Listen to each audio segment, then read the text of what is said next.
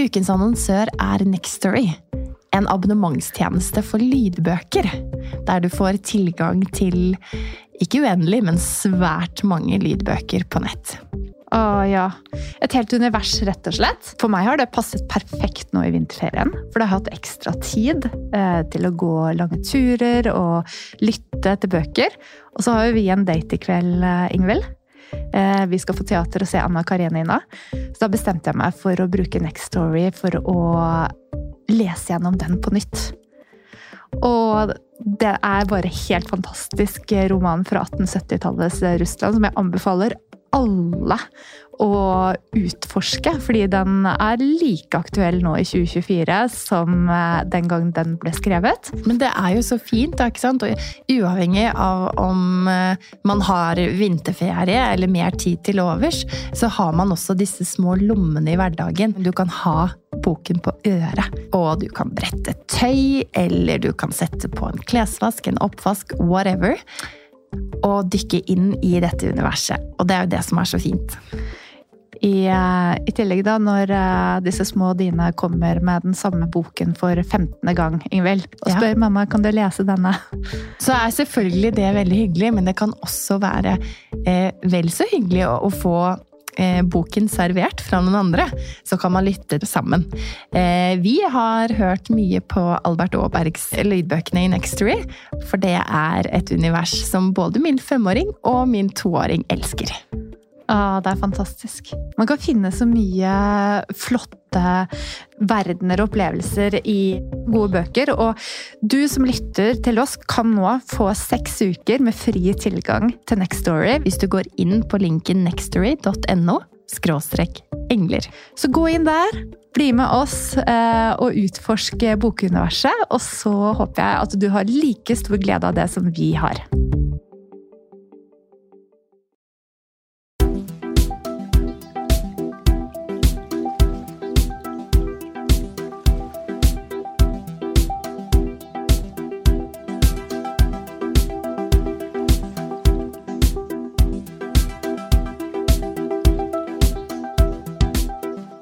Velkommen til Engler og hormoner. Inspirasjon og ny kunnskap om helse, selvutvikling og livsstil.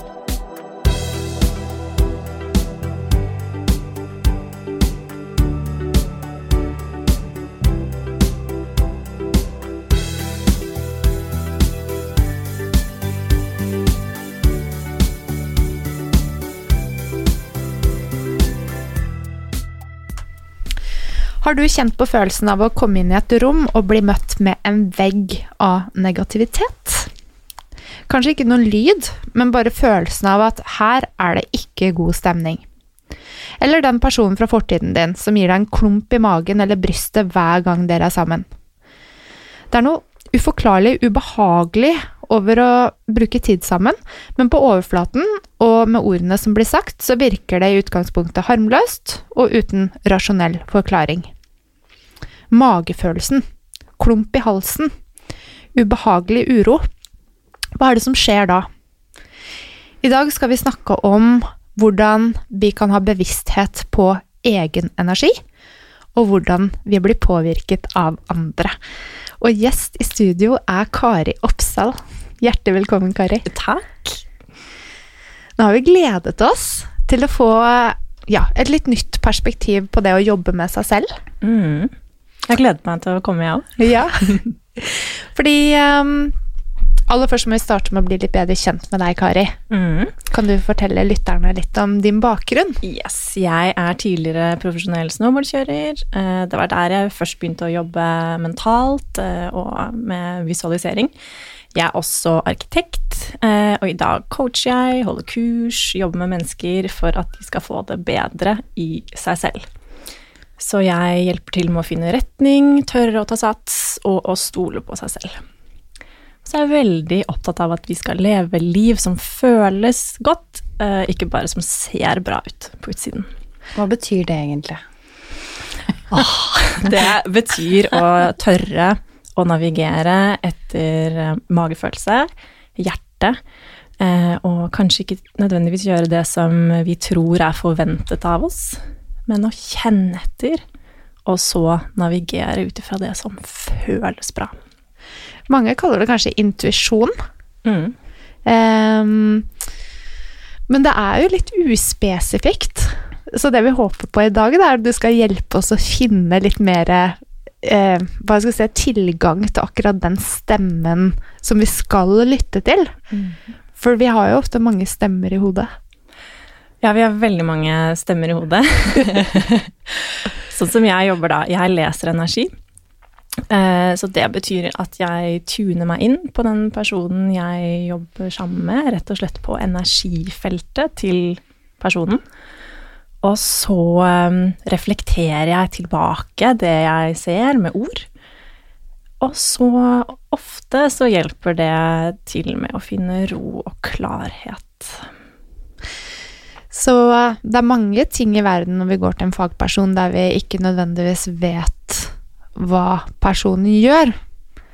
Men eh, der tenker jeg her kan vi falle av litt. Mm. Fordi at du leser energi, Mm. det høres veldig fremmed ut. Yes, Mhm. det skjønner jeg. Um, alt rundt oss er jo energi. Og energi har en vibrasjon, og denne eh, vibrasjonen har en frekvens. Da. Det kan vi komme litt tilbake til senere. Eh, og vi mennesker er jo på mange måter tolkere av frekvens og vibrasjon. Det gjør vi hele tiden uten at vi legger merke til det selv. Hvis vi f.eks. ser lys, så tolker øynene våre frekvensen av lys. Og så er det jo mye vi ikke ser også, da. Em, I lysfamilien, altså røntgen eller radiobølger og sånne ting.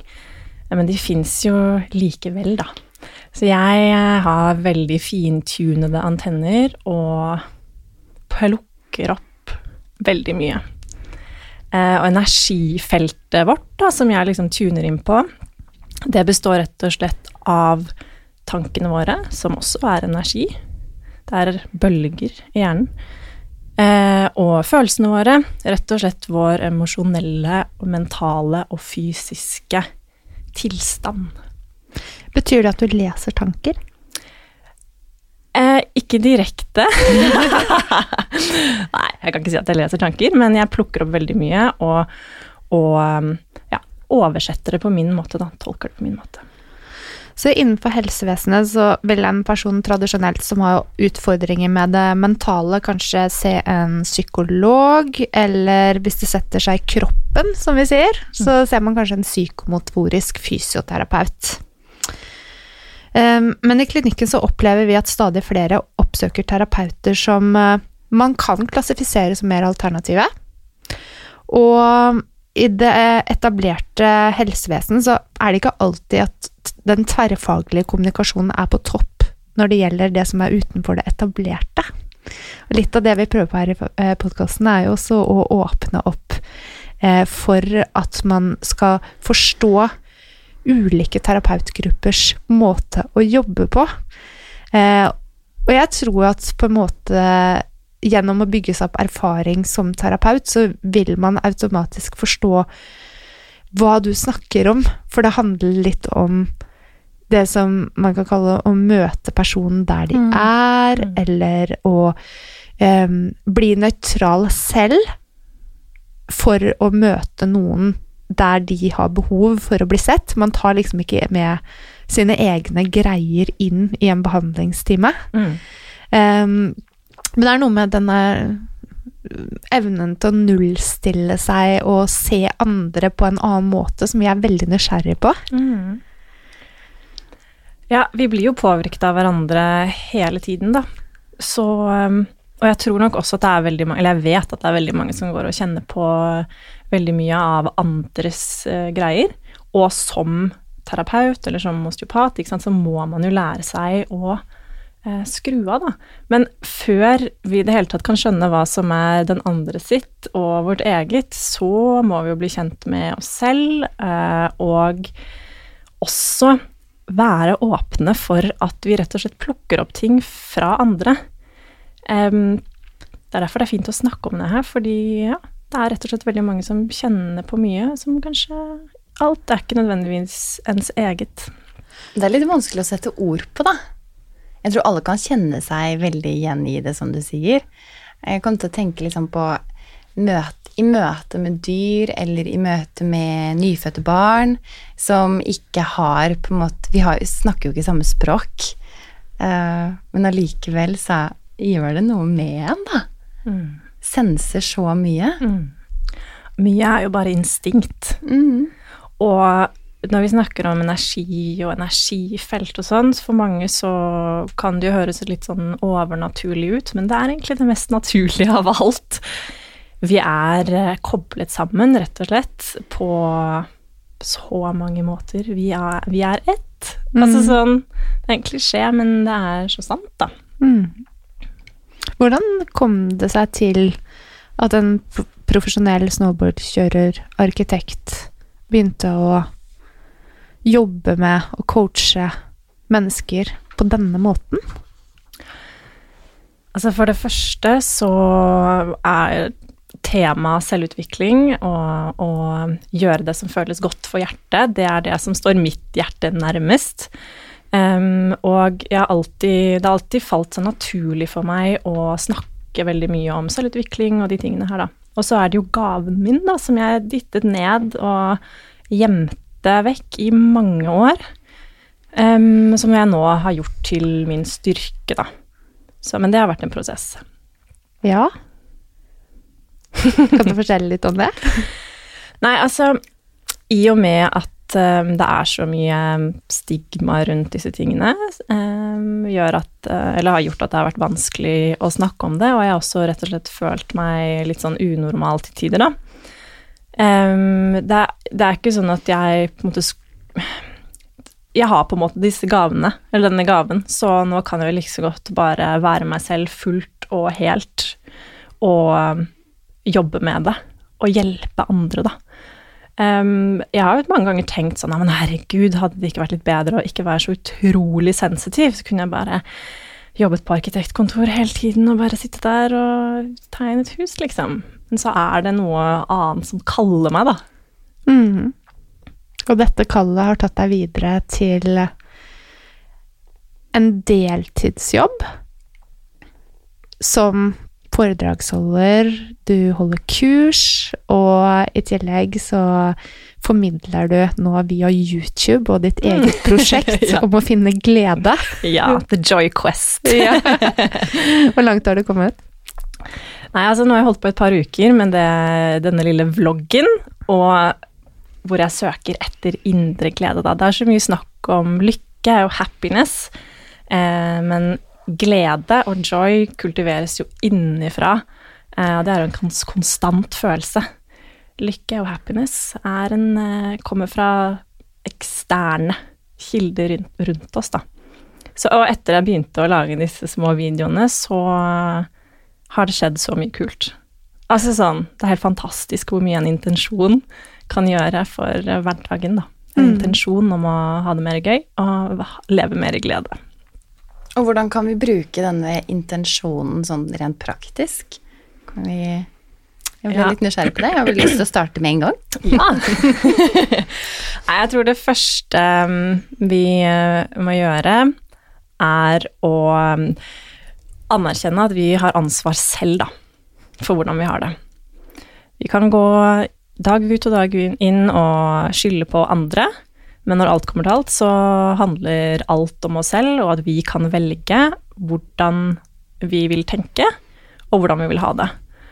Eh, og før det så må vi jo ofte bli bevisst på hva vår mest normale følelse er, for det er noe som heter normalfølelsen som er rett og slett et slags sånn grunnhumør vi har, eh, som er formet av nettopp hvordan vi tenker, hvordan vi snakker til oss selv, hvordan vi ser på verden. Um, og så kan vi begynne å stille spørsmålstegn ved den måten vi oppfatter verden på, da. Eller hverdagen vår på. Mm. Så bli kjent med seg selv først. Ja, vi må bli kjent med oss selv først. Og um, ja, hvis ikke Altså hvis man er veldig sensitiv um, eller veldig empat, da, sånn som meg Hvis ikke vi blir kjent med oss selv, og hvis ikke vi har det bra med oss selv først av alt, så blir det veldig forvirrende å gå rundt i, i hverdagen, da. Hvis man plukker opp mye fra andre, vi, vi gjør det alle sammen, men i forskjellige grader, så blir det, det blir så vondt og, og vanskelig å skille mellom hva som er ditt og hva som er mitt, hvis vi ikke står helt trygt i oss selv først, da. Det er jo veldig mange som blir påvirket av mennesker rundt en. Eh, drama eller eh, konflikter på jobb, f.eks., eller eh, holdninger eh, fra familiemedlemmer eh, Som man går i, som ikke nødvendigvis handler om deg. Og det kan jo føre, føre til muskel-skjelettplager, f.eks., sånn som vi jobber med daglig. Og det gir jo en stressrespons i kroppen, sånn at det påvirker det autonome nervesystemet og gir oss sånn total endring i livskvalitet. Men det å bli oppmerksom på seg selv da, i flokken, er jo ikke noe vi egentlig har tradisjon for å lære å gjøre. Vi eksisterer ofte sammen. Mm. Og det skal vi gjøre også, Ja. for vi er jo flokkdyr. Mhm.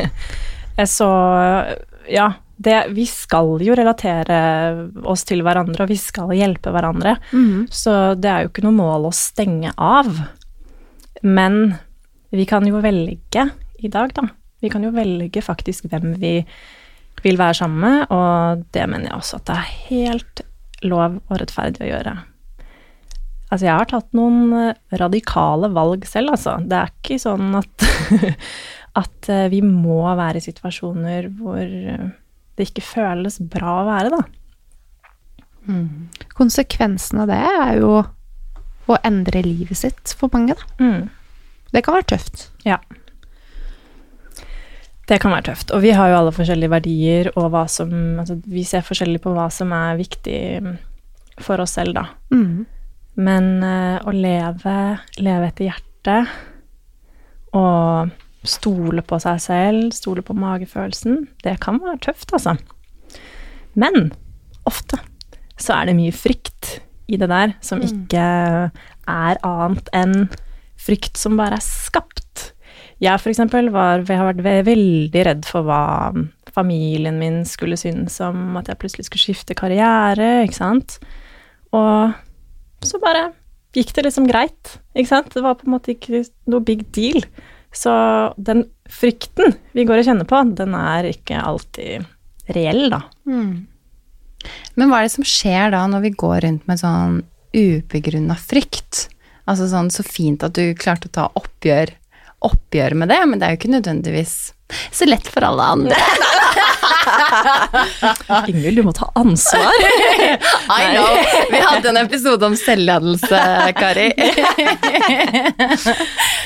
Um, nei, det, det som er Vi nevnte jo frekvens så vidt, da. Alle følelsene våre har en frekvens, og det er en veldig fin skala som heter The Emotional Guidance Scale, som er laget, laget av Abraham Hicks. Eh, Og der er alle følelsene våre rangert fra lave til høye, og helt nederst på skalaen er skam og skyld og sjalusi. Helt øverst på skalaen er lykke, fred og kjærlighet. Og midt på skalaen eh, ligger som kjedsomhet og å være nøytral, da. Så det er et helt spekter av følelser. Og jo mer vi går i disse tunge følelsene, jo tyngre blir vi, og det påvirker jo også, som du nevnte, Mona, hele kroppen vår, hele systemet vårt. Plutselig så får vi vondter og blir syke. Det er jo som hvis alle som har kjent på en sorg, kjenner jo hvor fysisk en sorg er. Ja. Og kjærlighetssorg, det gjør jo faktisk vondt i hjertet. mm. den skalaen eh, som du bruker, Kari, den er litt fin fordi at den konkretiserer følelser som et verktøy. Mm.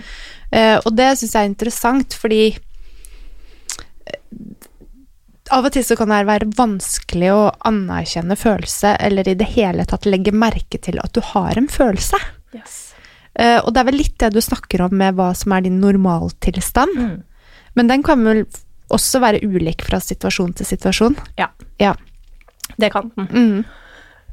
Og alt handler om bevisstgjøring her. Ikke sant? Man kan jo ha det kjempefint hjemme og så dra på jobb og så bli utfordret på et eller annet som ikke føles bra. ikke sant? Ja. Så, men skalaen er fin å bruke, for da kan man plassere følelsene, ja. Og tanker er energi, og følelser er også energi. Vi kan ikke se en tanke, vi kan ikke ta på en tanke, vi kan ikke se en følelse, vi kan ikke ta på en følelse, men de er, har en energi, da. Og ofte så er det jo sånn at um, den indre kritikeren kan være kjempeaktiv, og så sier vi til oss selv sånn, vet du hva, Åh, jeg bare er ikke flink nok. Den går og, den går liksom og durer i underbevisstheten vår, da. Og den kan vi legge merke til, men det er ikke alltid vi legger merke til følelsen bak, som kanskje er skam, da. Mhm. Eller sjalusi. Så mm. Fordi det å finne vår normaltilstand, Mm. det er liksom én ting. Og så kan vi også gå inn i spesifikke situasjoner vi har lyst til å jobbe med, sånn rent praktisk, som er utfordringer for oss, og også jobbe med følelsene rundt det. yes. Som igjen skaper en form for reaksjon i kroppen, eller en Mm. tanke fra den indre kritikeren som holder deg tilbake, eller Mm. mm. Har jeg forstått deg riktig? Yes. Mm. Og hvis vi går ut ifra at vi alltid har et valg, da, Mm. så kan vi bruke skalaen til å prøve å komme oss opp i en bedre tilstand. En bedre følelser. Ja, og det vil øke livskvalitet, sannsynligvis. Ja, Mm. helt klart. Altså, det er jo det som man sier på engelsk, da, I'm feeling low. Eller I'm Mm. feeling high. Det sier vi jo på norsk, og det siste. Det er rett og slett dette her. Hvis du føler deg skikkelig low, da, da er du langt ned på skalaen. Mm. Hvis du føler deg high, så er du høyt oppe. Ja. Så det er jo da han Han, henne, hun, de Abraham, Abraham Hicks, um, som jo er litt sånn kontrovers på mange måter. Noen er jo Ok, dette her er Dette er ikke reelt, eller Ja. Hva tenker du rundt dette? Jeg tenker at man kan ta det som funker for en selv, og så kan man leave the rest. Det er på en måte ikke noe tvil om at eh, når vi har mye negativ tankekjør, da, at vi får veldig lav energi. Og når vi er positive og har det bra med oss selv, så føler vi oss bedre, og ting flyter bedre, da. Og det er jo egentlig det som betyr noen ting, ikke sant? Jeg kom til å tenke på eh, et utsagn. Altså eh, En krise eller en dårlig ting kommer sjelden alene, eller det samme på en måte eh, motsatt, da. At når man er i god flyt, så baller det gjerne på seg masse positive ting. Fetter Anton, liksom. Ja. Ja. Ja, altså Jeg tror jo veldig på det, da. At jo mer du um, Jo bedre du har det med deg selv, eh, og jo mer glede du utstråler, jo flere muligheter vil du også få, da. Bare tenk sånn La oss si um, vi hadde 10 000 kroner da, som vi skulle dele ut til um, noen. Så sto det mellom en veldig negativ person eller en kjempepositiv person som bare hadde masse livsglede og ja, virket som den var på rett vei. Hvem ville du gitt pengene til? Selvfølgelig han negative, så han kunne bli bedre humør. Det ville ikke jeg. Altså, tenk, disse pengene her skulle da Forutsetningen var at disse skulle investeres videre i noe bra. ikke Ja. Jeg ville helt klart gitt den positive personen. Så kunne skape noe. Så ja, Eller Ikke sant? eller annet. Ja. jeg liker, litt, uh, jeg liker tanken på at det er litt sånn det funker, da. Og ikke minst sånn jo bedre vi har det med oss selv, og jo høyere frekvens vi er på, uh, jo mer kan vi også dra de som er rundt oss, med oss opp, da. Det var egentlig det jeg hadde tenkt på også, For jeg tenker det å kunne dele av overskudd Ja. vil jo kunne påvirke positivt til de rundt en, og dra de opp, Mm. mer enn å holde tilbake eh, og føle at du overkjører andre med livsglede. Fordi ofte så kan man jo bli eh, I mange situasjoner at man holder seg selv litt tilbake, da. Mm. Ja, kanskje det er eh, lettest så Eller eh, sånn en default at vi på en måte senker oss ned til andres nivå, da. Men bare for å tilpasse oss. Og vi er flokkdyr igjen, ikke sant. Vi skal liksom bli likt og være der hvor de andre er. Men eh, ja, igjen tilbake til det med å ta Hvis vi tar ansvar for vår egen frekvens, da, så er det en fin tanke å holde seg i glede og håp og optimisme, da. Og så heller ta den i gåseøyne jobben det er å få andre med seg opp. Det høres mye mer bærekraftig ut. Ja, for alle, for hele verden. Og så syns jeg det er fascinerende hvordan vi egentlig snakker om det samme innenfor så mange ulike retninger. Fordi eh, som Abraham Hicks og Esther Hicks kommer fra Law of Attraction, som mange kan få litt sånn ståpels av å høre om, så er det jo veldig likt mentaltrening med å sette seg et konkret langtidsmål, og så ta riktige valg gradvis og lære seg opp til å se hvilke muligheter du har for å nå målet, eller manifestere, som Yes. man også kan kalle det. Ikke sant? Så det er jo Egentlig så er det jo ikke så ulikt. Mm -mm. Det er snakk om det samme, og det kommer på en måte bare litt an på hva man eh, ja, har lyst til å på en måte identifisere seg med, da, eller hvor åpen man er for eh, Ja, hvor åpen horisont man har. Men um, for ordet manifestasjon da er jo, betyr jo egentlig bare noe som startet med en idé, og som har blitt til noe fysisk. Ja. Det er det alle Alt som har skjedd i våre liv, har vi manifestert. Ikke sant? Denne podkasten startet med en idé. Her sitter vi. Mm. That's it. Ja. Så det er ehm, Det er jo noe med at mange også jobber hardt mot mål som ikke de syns er attraktive. Sånn at det handler jo om også det å pushe seg gjennom noe med en lav følelse. Ikke sant? Det er vanskelig å hente motivasjon hvis du ligger i et lavfrekvent område når du skal gjennomføre en oppgave. Så det er jo litt med det å jobbe mot konkrete mål, med å bruke det å rett og slett øke frekvensen av følelser, eller kvalitet av følelser, eller bare livskvalitet på reisen som vi er ute etter i dag. Og vi er jo veldig nysgjerrige på om du kunne coache Ingvild gjennom en av sine utfordringer. Ja. En av mine store dype utfordringer. Ja. Vi er veldig lav på frekvens. Det er jo nydelig, da, Ingvild. Men vi har jo alle Altså, vi har jo alle eh, områder i livet hvor vi er litt lavere på. Og jo lavere vi er på skalaen, jo vanskeligere er det å komme seg oppover. Når vi kommer på midten av skalaen og bikker over, da begynner det å bli lett. Det er ikke så vanskelig å Den øvre delen av skalaen er lettere å fly oppover.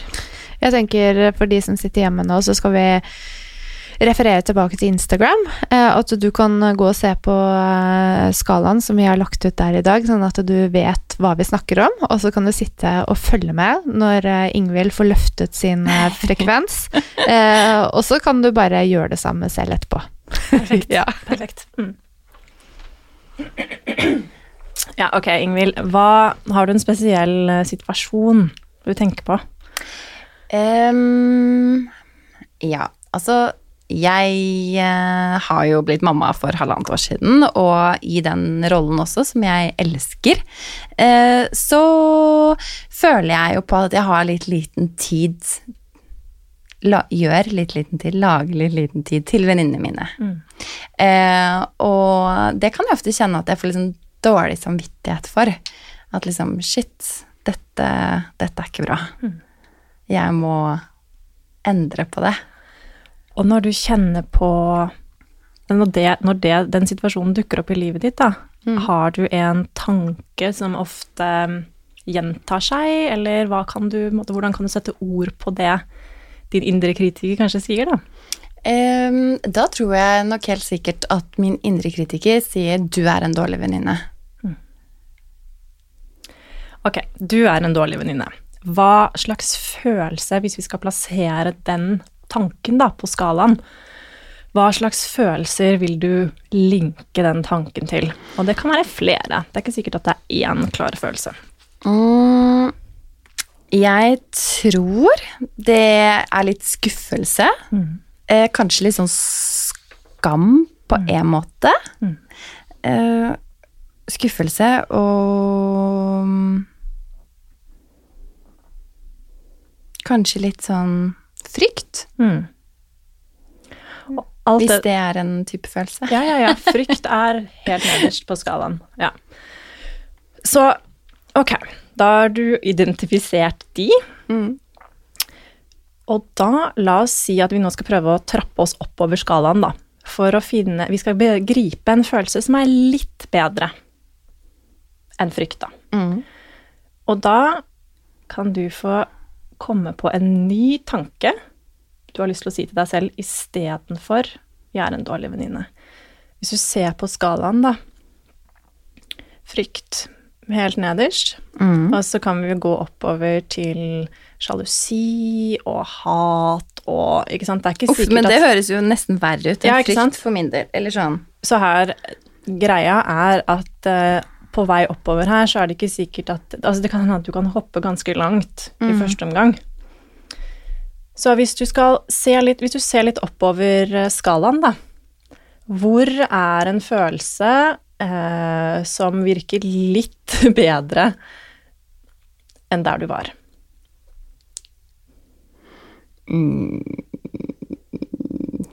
Ehm, er skyld bedre?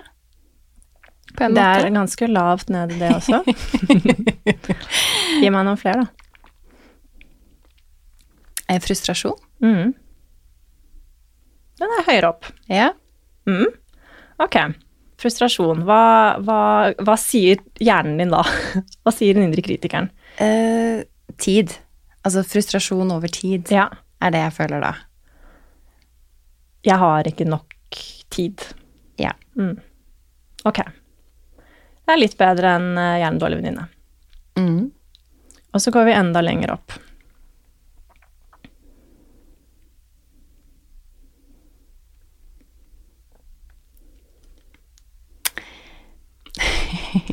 Er det vanskelig? Mm, Ja, litt vanskelig eh, på en måte, men jeg kan jo håpe at eh, det vil eh, bli mer tid etter hvert. Mm. Som jeg f.eks. har kommet mer inn i den nye rutinen med eh, barnehage og kommet mer eh, på plass der. For det du gjør nå, er at du snakker deg selv opp, ikke sant? Jeg kan jo håpe, og så fortsetter du. Så sånn kan du faktisk snakke deg hele veien oppover skalaen her. Hvis du fortsetter litt på den, da. Um, jeg kan jo håpe at det blir mer tid. På håp. Da er du på vippepunktet. Så derfra så er det lettere og lettere å komme seg opp da. Du er også på optimisme, ikke sant? Og så Neste er jo da å positive expectation. Sånn at du, at du forventer at noe bra skal skje. Hva om du skal prøve å snakke deg enda litt lenger opp?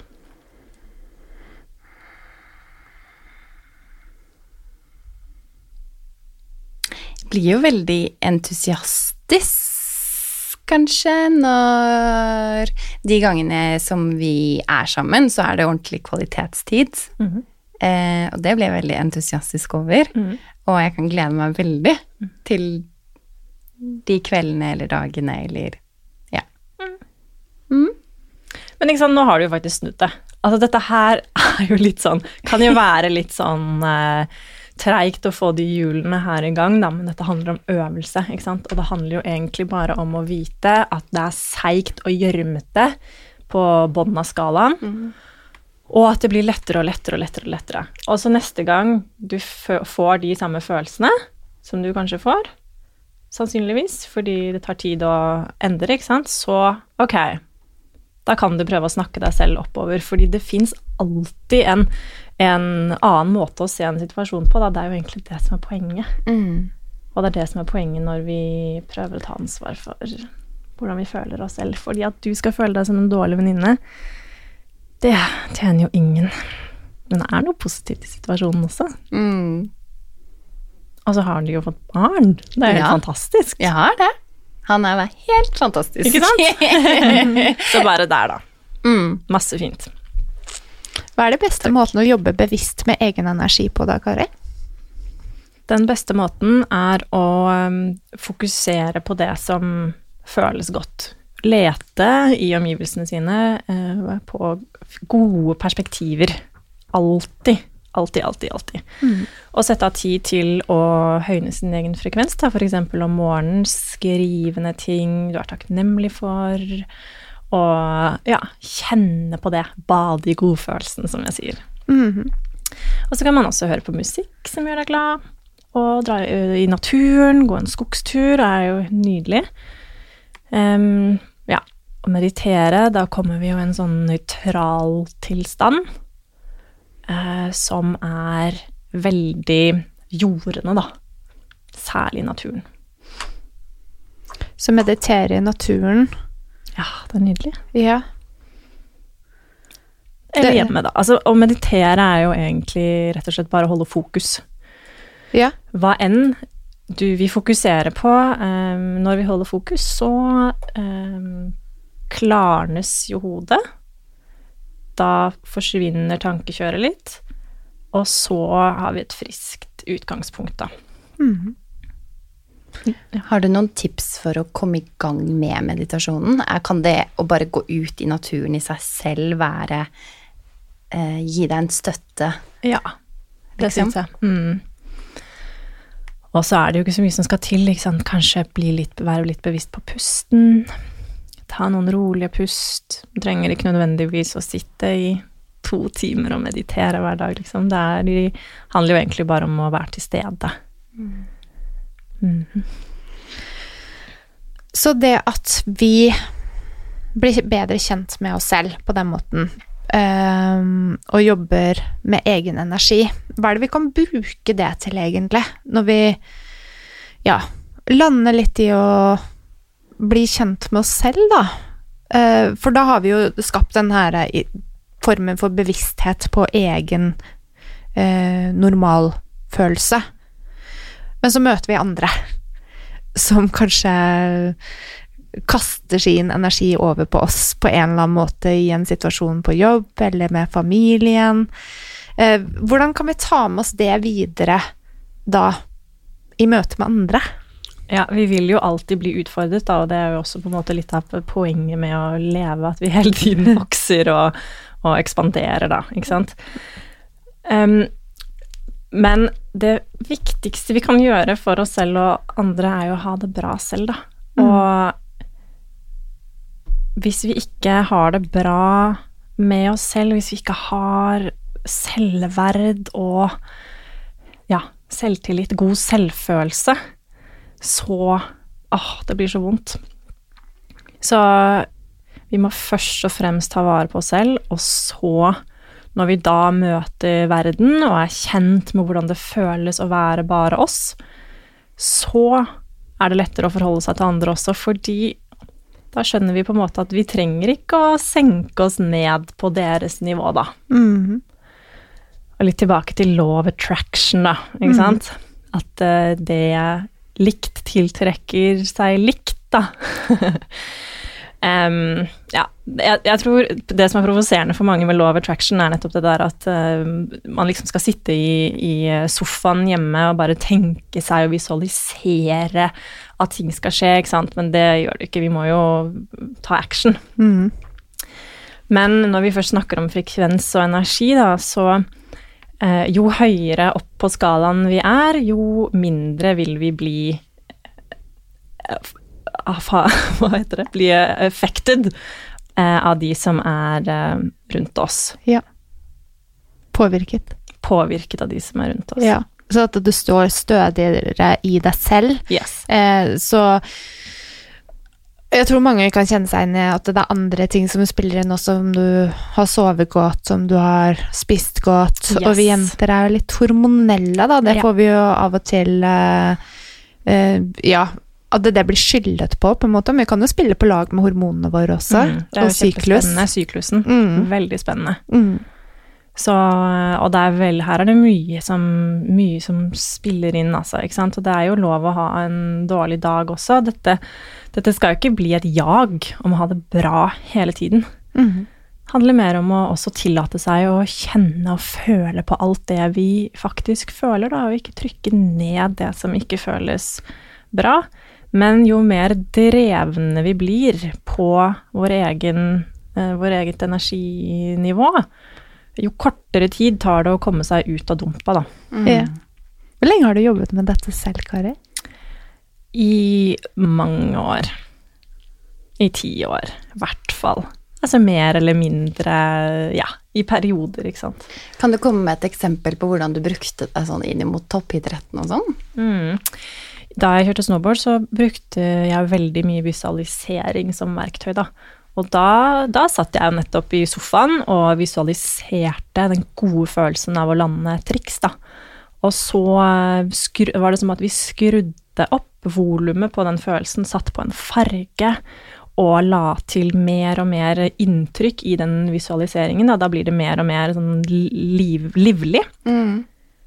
Og eh, så brukte jeg da den gode følelsen, det trikset med den blå fargen, da jeg sto på start, f.eks., og var nervøs. Så etter å ha gjentatt den visualiseringen så mange ganger, så var det som at jeg bare kunne knipse, og så var godfølelsen der, da.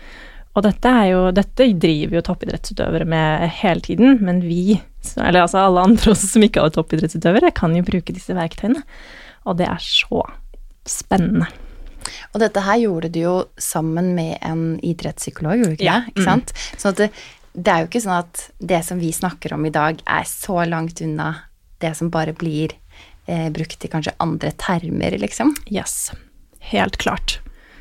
Helt klart. Det er på en måte, ja, coaching og, visualisering. Altså dette her er jo på en måte alt er i samme verden. Mm.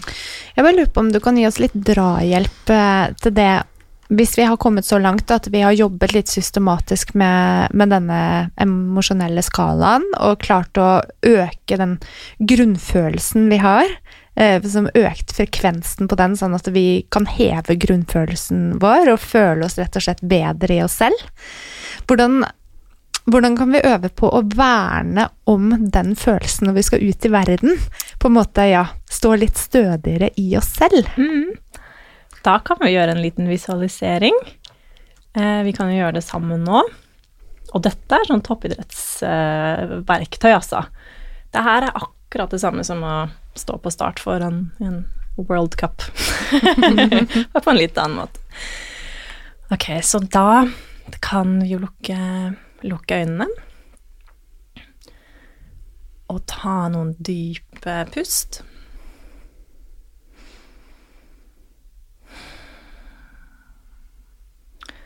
Og så kan du bringe oppmerksomheten til hjertet ditt. Til hele området og brystet rundt hjertet. Og så kan du se for deg at det begynner å stråle litt etter litt lys. Kanskje det er gyllen, kanskje det er helt hvitt. Litt og litt stråler det ut fra brystet ditt og ut fra hjertet. Og så kan du bare fortsette å dytte og ekspandere dette lyset utover helt til det omslutter hele deg.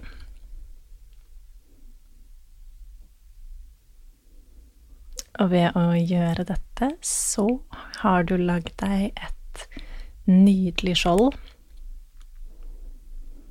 som du kan stole på at blir med deg gjennom hele dagen inni din lille lysboble er det nydelig trygt.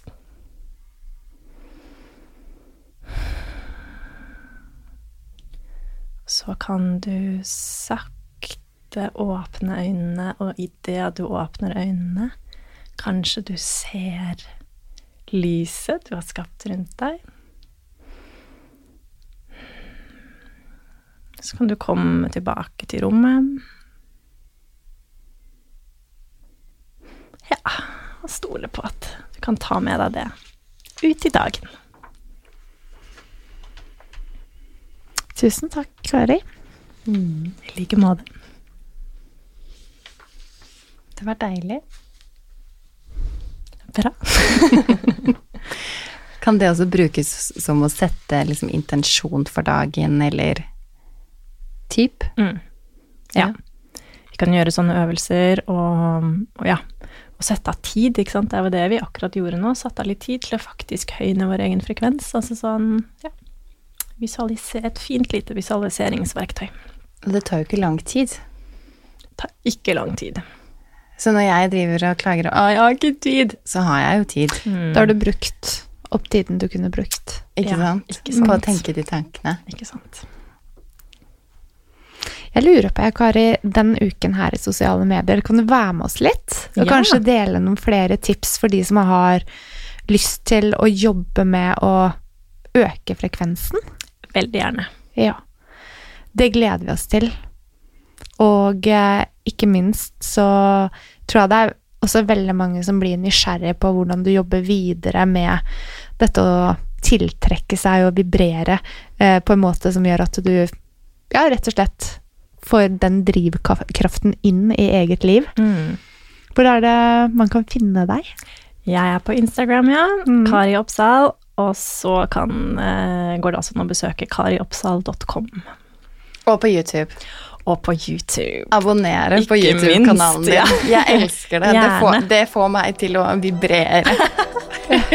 Fantastisk. Tusen takk for at du kom. Takk for meg.